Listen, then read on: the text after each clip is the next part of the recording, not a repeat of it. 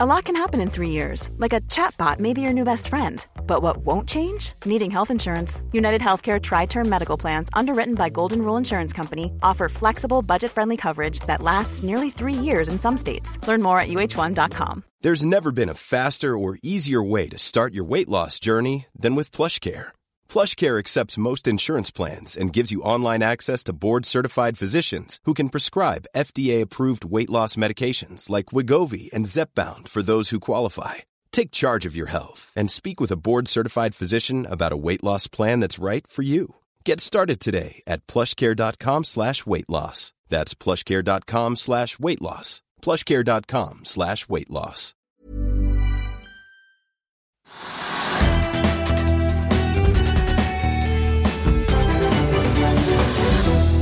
En riktig god torsdag alle sammen, og velkommen til Økonominyhetene på denne 28. september. Der regnet pøser ned, i hvert fall over hovedstaden. Oslo Børs har mistet oppdriften på denne nest siste børsdagen i måneden. En dag der overskriftene preges av saker som at regjeringen igjen er ute med sjekkehefte for å subsidiere den grønne omstillingen. Oljeserviceselskapet Berenberg vil på børs. Ryanair varsler rutekutt etter Boeing-forsinkelser. Shell bensinstasjonene bytter navn til ST1, Og Veidekke altså er ute med en fersk analyse, eller prognoserapport. Analysedirektør Kristoffer Eide Hoen er gjest i studio straks. La oss titte litt på markedet aller først. Jeg nevnte jo hovedindeksen som startet opp rundt 0,4 tidligere i dag, ligger nå ned rundt 0,2 og dermed ser det ut til at vi altså faller etter den solide oppturen som vi hadde i går på 1,2% i pluss. En del av fallet skyldes kanskje at oljeprisen har vendt nedover gjennom dagen.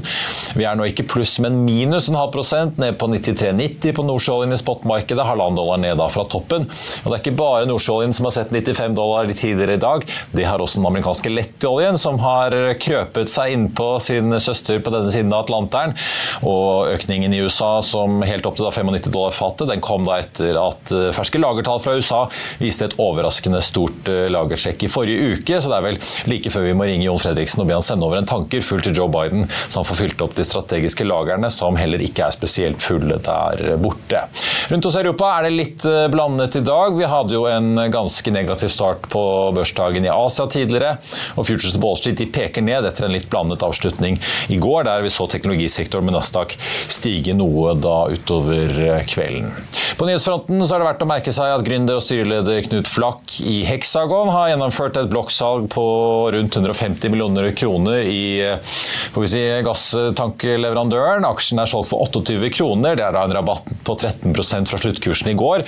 Hexagon Composites-aksjen kraftig ned i dag, ligger ned rundt 15-16% nå til 27,40. Og Dette skjer jo da kort tid etter at man også varslet en strategisk gjennomgang av Hexagon-divisjoner av som jo har denne fabrikken på Raufoss som lager komposittankene til propan, som veldig mange av oss kjenner igjen, i hvert fall hvis du har eh, gassgrill. Flakk og hans familie sitter for øvrig igjen med drøye 10 av Hexagon etter dette nedsalget. Og så er det Kangaroo Bidcoda, selskapet som byr på Kahoot med Goldman Sachs i spissen. De frafaller kravet om minste akseptgrad i e-læringsselskapet. Det gjør at tilbudet ikke lenger er betinget av at det mottas ytterligere aksepter. Så langt har de da mottatt eh, syv av ti aksjonærer på akseptlisten. Aksjen er oppe en snau 2 i dag og ligger og, og vaker på ja, rundt en kvart krone under budprisen på 35. Supply-rederiet Golden Energy Offshore har gjort en rettet emisjon og henter inn snaues 360 millioner kroner til én krone aksjen. Aksjen sluttet i går på 1,17 og stiger litt over 6% i dag. Ja, faktisk nærmere 8 nå, ligger på 1,26. La oss dra opp i luften, for luftfarten rammes ikke bare av skyhøye drivstoffpriser om dagen. Nå varsler Ryanair at forsinkede Boeing-leveranser fra og med nå i september og frem til desember fører til at de må kutte i vinterprogrammet sitt. De skulle opprinnelig fått 27 fly frem mot jul, regner nå med at de får 14. og De melder også, også om at Boeing har problemer med reparasjon og vedlikeholdskapasiteten eh, sin. Ryanair sier de jobber med Boeing nå for å få fremskyndet andre leveranser, slik at de får alle de 57 flyene de etter planen skal få frem mot neste sommer, sånn at de ikke da også må gjøre kutt i sommerprogrammet for 2024. Og Får de alle flyene de har bestilt, så vil altså flåten til Ryanair passere vanvittige 600 fly før fellesferien er i gang neste år.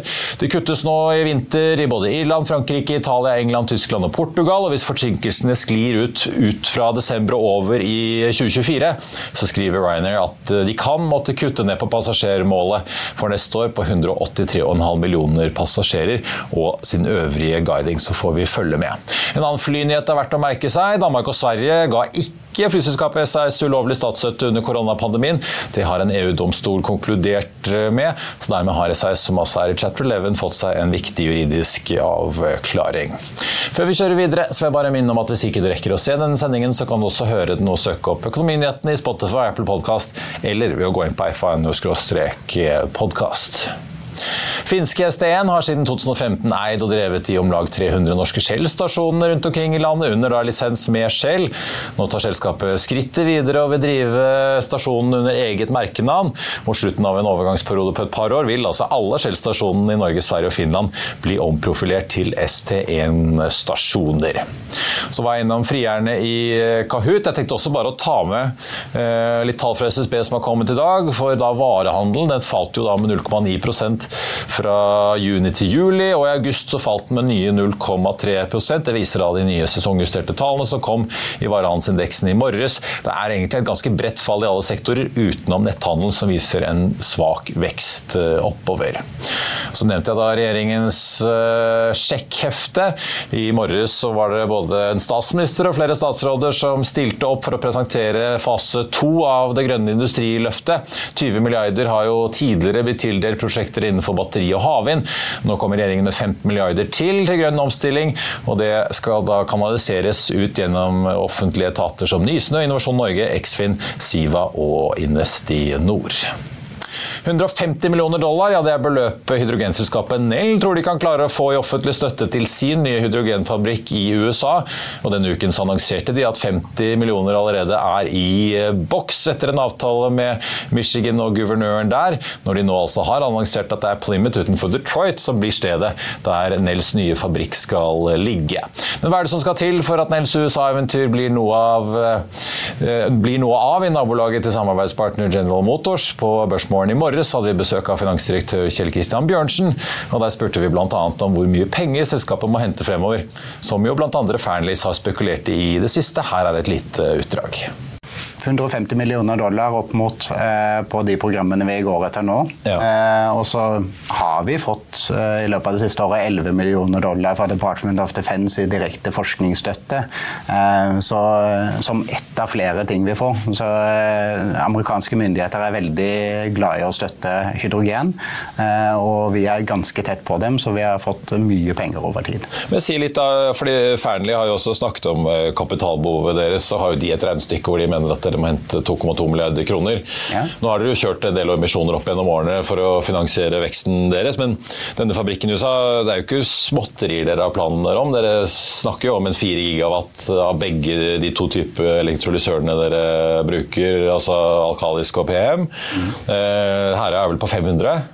500 i dag. Det er jo noen ganger her, ja, det er snakk om her. Har dere noen idé om hvor, hvor, mye dette anlegget i Michigan vil koste? da? Ok, Hvis dere kan få 150 millioner dollar i støtte, men hva, hva blir sluttregningen? Hva, hva må, hvor mye mer må dere hoste opp? Vi, vi, har jo snakket om, eh, og igjen før sommeren, at eh, sånn ca. 300 millioner dollar eh, totalt. Og så er det litt timingforskjeller på de pengene, så skattefradragene kommer over tid. Eh, tilbake til finansieringsbehovet. Eh, det analytikere påpekte, var at eh, vi kanskje må hente noe penger i 26 eller 27. Eh, det er jo klart. Vi er en vekstindustri. Vi er starten på starten av en industrioppbygging. Eh, vi ser at den viktigste usikkerheten vi har, er timing. Når skal vi ansette folk, når skal vi bygge linjene? Eh, og vi har hele tiden hentet penger sånn at vi har nok til i hvert fall et par år frem.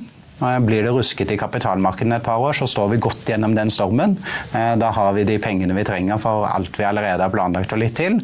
Eh, og så tror jeg det å hente noen mer penger hvis vi eh, ja, tidobler eh, fra dagens eh, produksjonsbase basert på gode kontrakter med, med, gode motparter, det burde ikke være veldig umulig. Så, så, det er ikke noe vi er bekymret for. Men Hva er tidslinjen her nå fremover? da? For Dere poengterer jo i meldingen at dette er jo ikke et sanksjonert prosjekt Nei. hvor det har vært noe endelig investeringsbeslutning ennå. Har dere en tidslinje for når det og eventuelt bygging kan starte?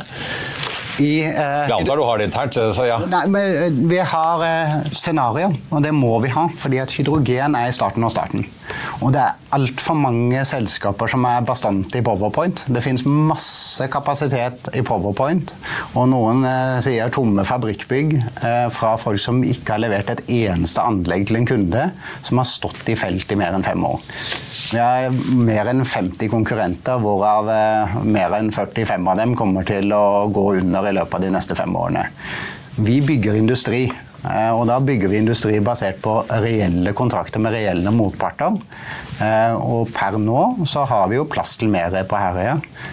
Vi har forberedt oss for å bygge det. Eh, men vi kommer jo ikke til å bygge det før vi har en kontrakt i hånden som vet at vi fyller den linjen der. Og det samme er det i USA. Så vi kommer til å jobbe nå med å ta tiden fra spadestikk til linje opp og gå så kort som mulig. Sånn at når vi ser at kontraktene kommer, så bygger vi. Blir det i til neste år, eller i 2026 eller 2027, det er avhengig av eh, insentiver til kundene våre og kundenes beslutningsprosesser. Men vi skal være klare til å trykke på knappen, sånn at vi ikke mister ordre på, på grunn av det. Vil du bli oppdatert på det viktigste som har skjedd innen finans og næringsliv? Da er det bare å følge med, for hver morgen er jeg, Marius Lorentzen og aksjekommentator Karl Johan Malnes på plass i studio for å ta tempen på dagens marked i Børsmorgen. Og hver ettermiddag oppsummerer vi alt du trenger å vite i økonominyhetene, og det blir selvfølgelig masse interessante gjester. Klikk deg inn på fa.no-tv, eller søk opp Børsmorgen og Økonominyhetene der du hører på podkast. I'll see you in court. Vi sier det ofte litt på spøk, men for deg som driver business, er det aldri moro å innse at du ikke har laget en 100% gyldig kontrakt. Du bør ikke risikere hele firmaet ditt fordi du synes dette med kontrakter er litt stress. En avtale er ikke en avtale. Du kan miste kunder, miste venner, ja, til og med miste inntekter om du ikke lager en skikkelig kontrakt, på alt mulig, egentlig. Men vi vet det er et styr. Kopimaskiner, treg printer og haugevis av papir. Dessuten stoler vi jo på folk her i landet. Det er ofte litt kleint å skulle be om en signatur for alt mulig, ja, for mye av styret handler også om jakten på underskriften. Det finnes en enkel måte å løse dette på, Dukkobit, en trygg, effektiv og get this, gratis måte å sikre seg en god natts søvn pluss en juridisk bindende avtale. Dukkobit-appen har de strengeste sikkerhetskrav i bunn, samt en EU-godkjent og sertifisert teknologi. Framover vil det bli behagelig å spørre du, skal vi skrive under på det, eller? Kom i gang på dokobit.no.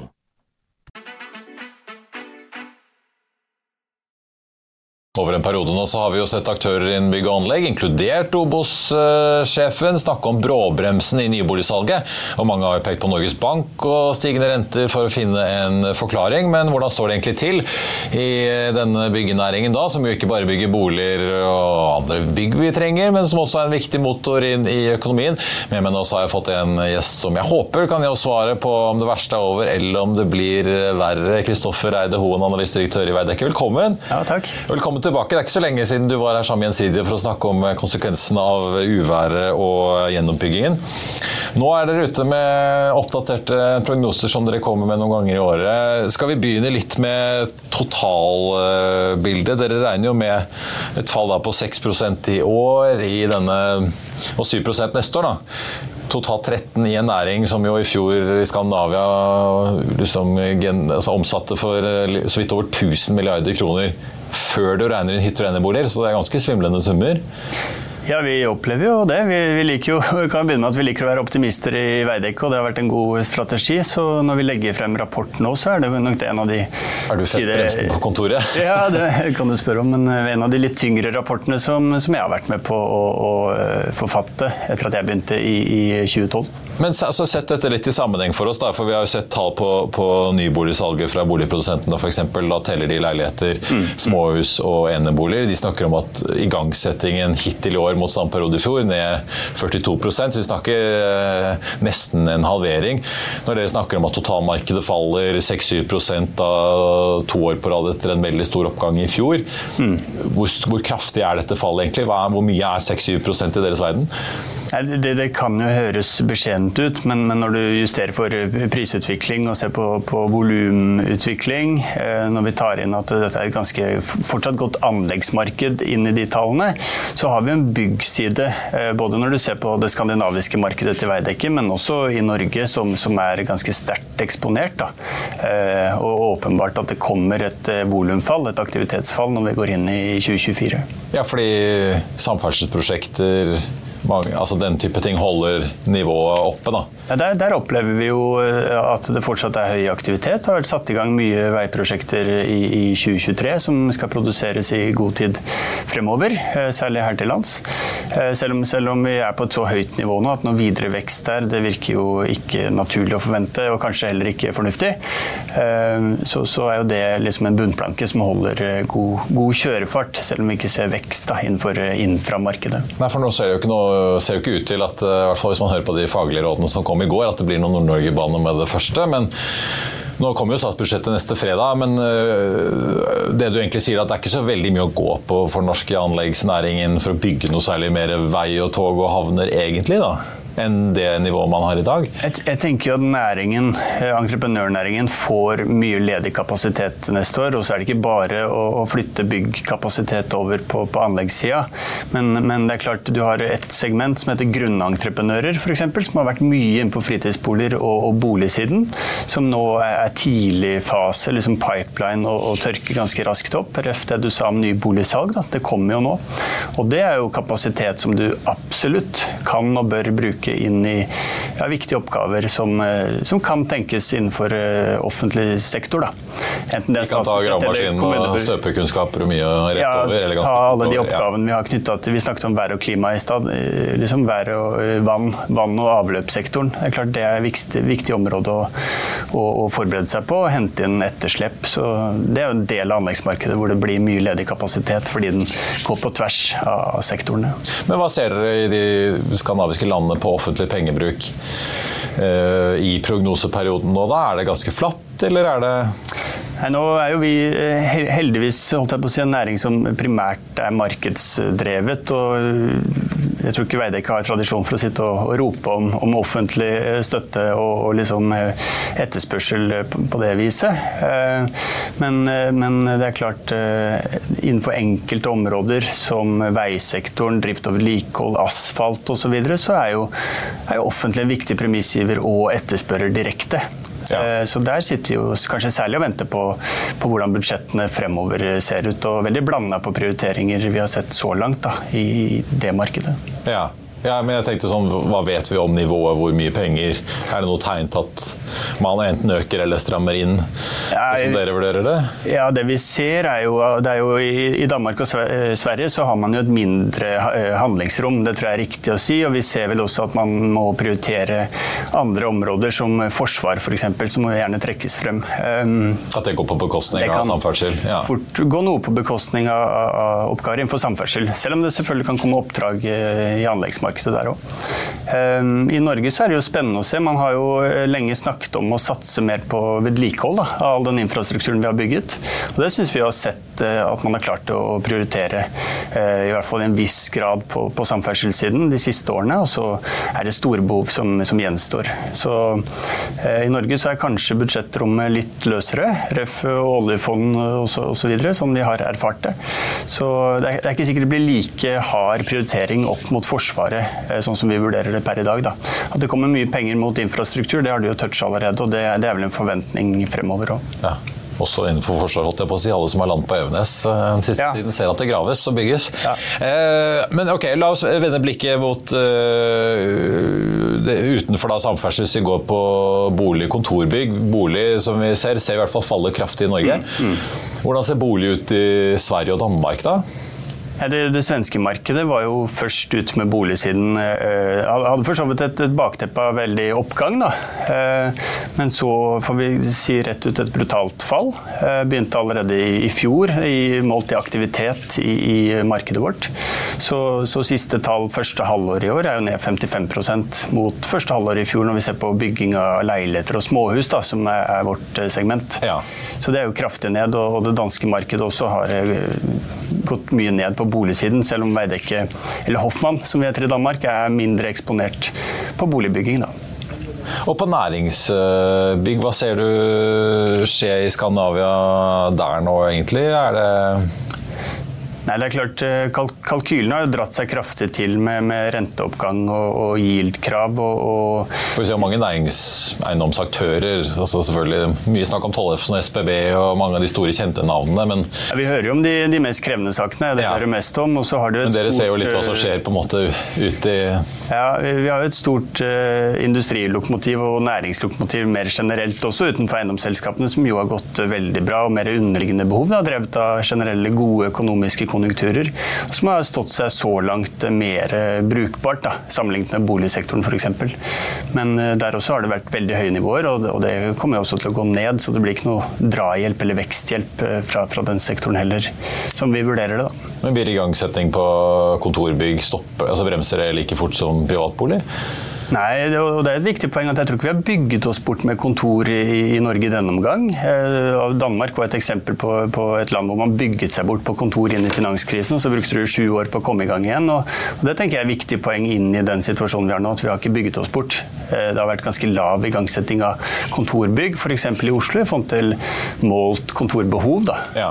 Um, mm. Så kan det sikkert eh, justeres litt opp og ned hos bedriftene, men, likevel, det er ikke problemet ligger mer på gjeld og ja, jeg, finansdirektøren enn hos prosjektlederen. Jeg tenker vi har all grunn til å vente en brems også i det segmentet i den situasjonen ja. vi er i akkurat nå.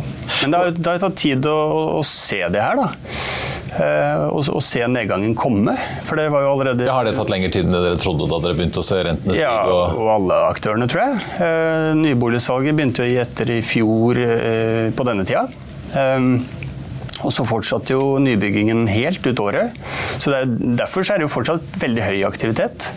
Og Derfor så tror jeg jo en del av myndighetene for eksempel, har liksom gått og hørt ulv, ulv en god stund, og så hvor blir det av? Eh, det er ikke noe økning i ledigheten, det er full fart. Og det er jo helt riktig. Men, men jammen så bremser det jo ganske mye nå, da. Ja. Når vi går inn i 2024. Det, det, er, eh, det trenger ikke lure på. Nei. Nei, for Det skulle til, og det leder meg jo litt til også hva dette har å si for uh, hvor mange denne næringen ansetter. da. Og også for så vidt konkurser, som uh, er jo naturlig å begynne å tenke på når det er en så kraftig oppbremsing. Uh, hva ser dere på, hvis vi tar arbeidsmarkedssiden først, da, for det blir vel også ofte et resultat av konkurser, da mister jo folk jobben selvfølgelig. Mm. Ser, ser dere nå tegn til at antallet ansatte i næringen går ned, og at ledige da implisitt går opp? Nei, vi, vi, eh, altså Arbeidsmarkedsstatistikken er jo litt bakoverskuende enn så lenge, og reflekterer jo et høyt aktivitetsnivå fortsatt per nå. Konkurstallene som du refererer til har jo begynt å øke, men det er ikke alarmerende enda. Hvis det ikke fortsetter i samme takten, da blir det fort uh, historisk høye nivåer. Um, så det er vel fort, først og fremst hva vi ser fremover vi, vi stiller spørsmålstegn ved. Da, hvor, jeg bare her i Norge ser, ser utsikter til et aktivitetsfall på opp mot 40 milliarder kroner i, i de neste ett til to åra.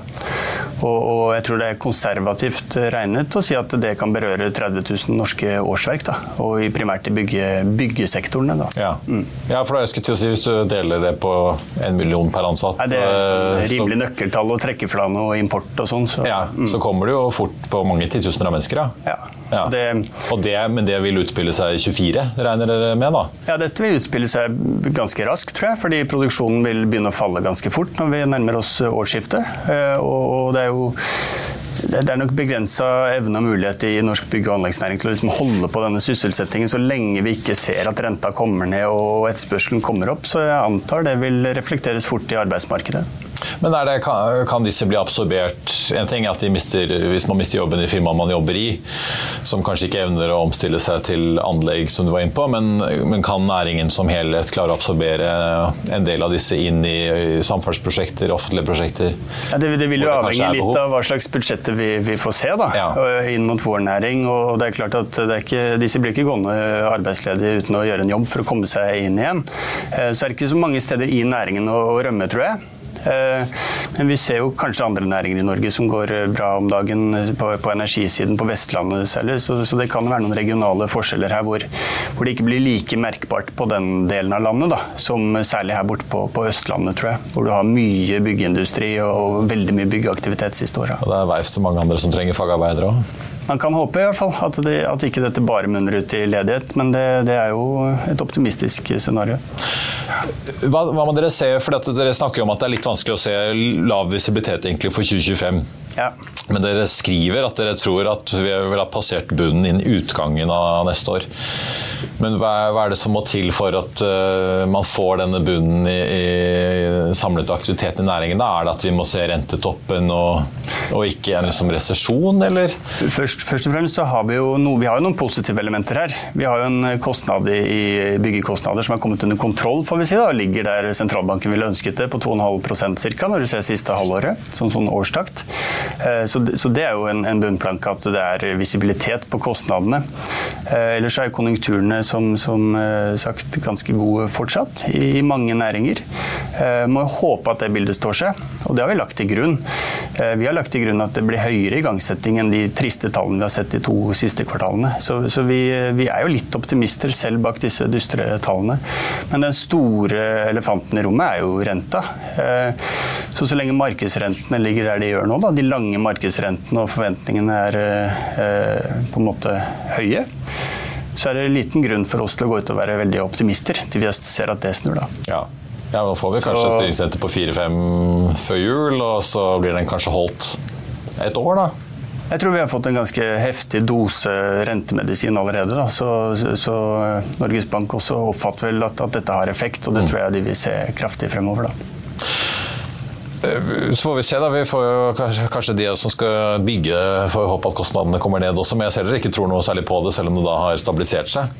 Det er en slags historisk forventning som, som enkelte av de gamle i bransjen har sett tidligere på 90-tallet og finanskrisen, at på en måte prisene ga etter på underentreprenørsiden og nedover i kjeden. Men det er ikke store marginer å ta, det er ikke der det ligger.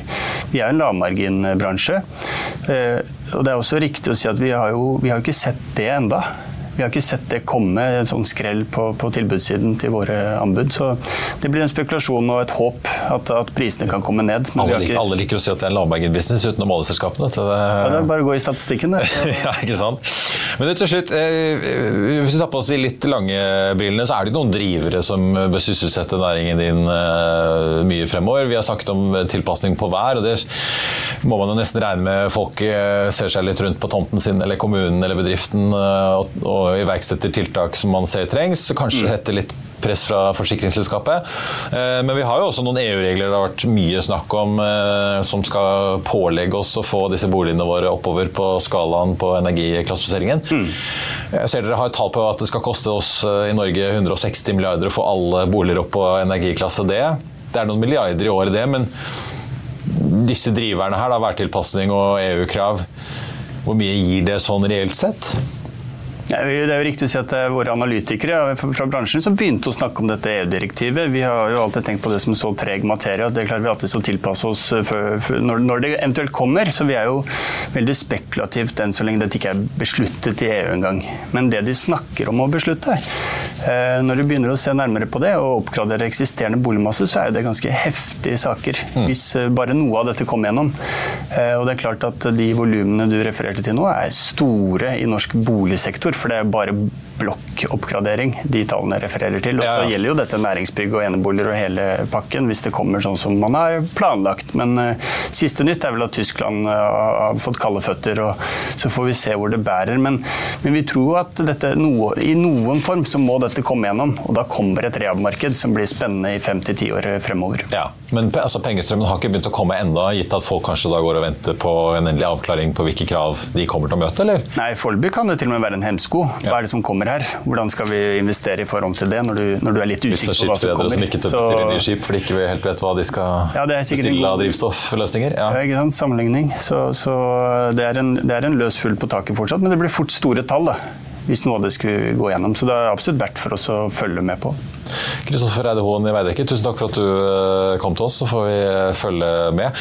På tappen av sendingen så tenkte jeg bare å eh, nevne litt hvordan det går på børsen. og Hovedveksten fortsatt ned 0,2 med en oljepris som ligger rett under 94 dollar fatet. Så har vi jo da Nell, som vi snakket med tidligere i dag, ned snaue 2. Golden Energy Offshore, som også har hentet penger, ligger opp 6 Hexagon, hvor det har vært storsalg, ser ut til å ende ned rundt 15,5% Så har vi da Kahoot, også litt grann han opp i dag, rett under budprisen på 35. Så får jeg også slenge med Veidekke, da, siden vi har hatt besøk av de, ned 0,9% nå. I Finansavisen i morgen så kan du lese Trygve Egnars leder om Ernas habilitet. Du kan lese om at det er lønnsveksten og ikke trøkk i oljenæringen som har fått Norges Bank til å heve rentebanen, ifølge Norges Bank selv. Du kan lese om hvordan Paretos meglere klarte å hente penger til Next Biometrics nesten uten å gi rabatt. Og så blir det en fersk utgave av Kapital og mye, mye mer å lese om. Da er vi ved slutten av denne sendingen. I morgen så er det fredag. Da er vi på plass igjen her 13.30 med får vi si, Bård Bølgerud i Colliers, som er ute med en ny eiendomsrapport for Norden, som jo mange går og venter på. Før den tid så er det Børsmorgen 08.55, der vi jobber med å få på plass da Berenberg-sjefen, hvis alt går som det skal, som da vil på børs. Siste nytte får du som alltid på FA.no. Mitt navn er Marius Lorentzen. Tusen takk for at du så eller hørte på, og så håper jeg vi ses igjen i morgen.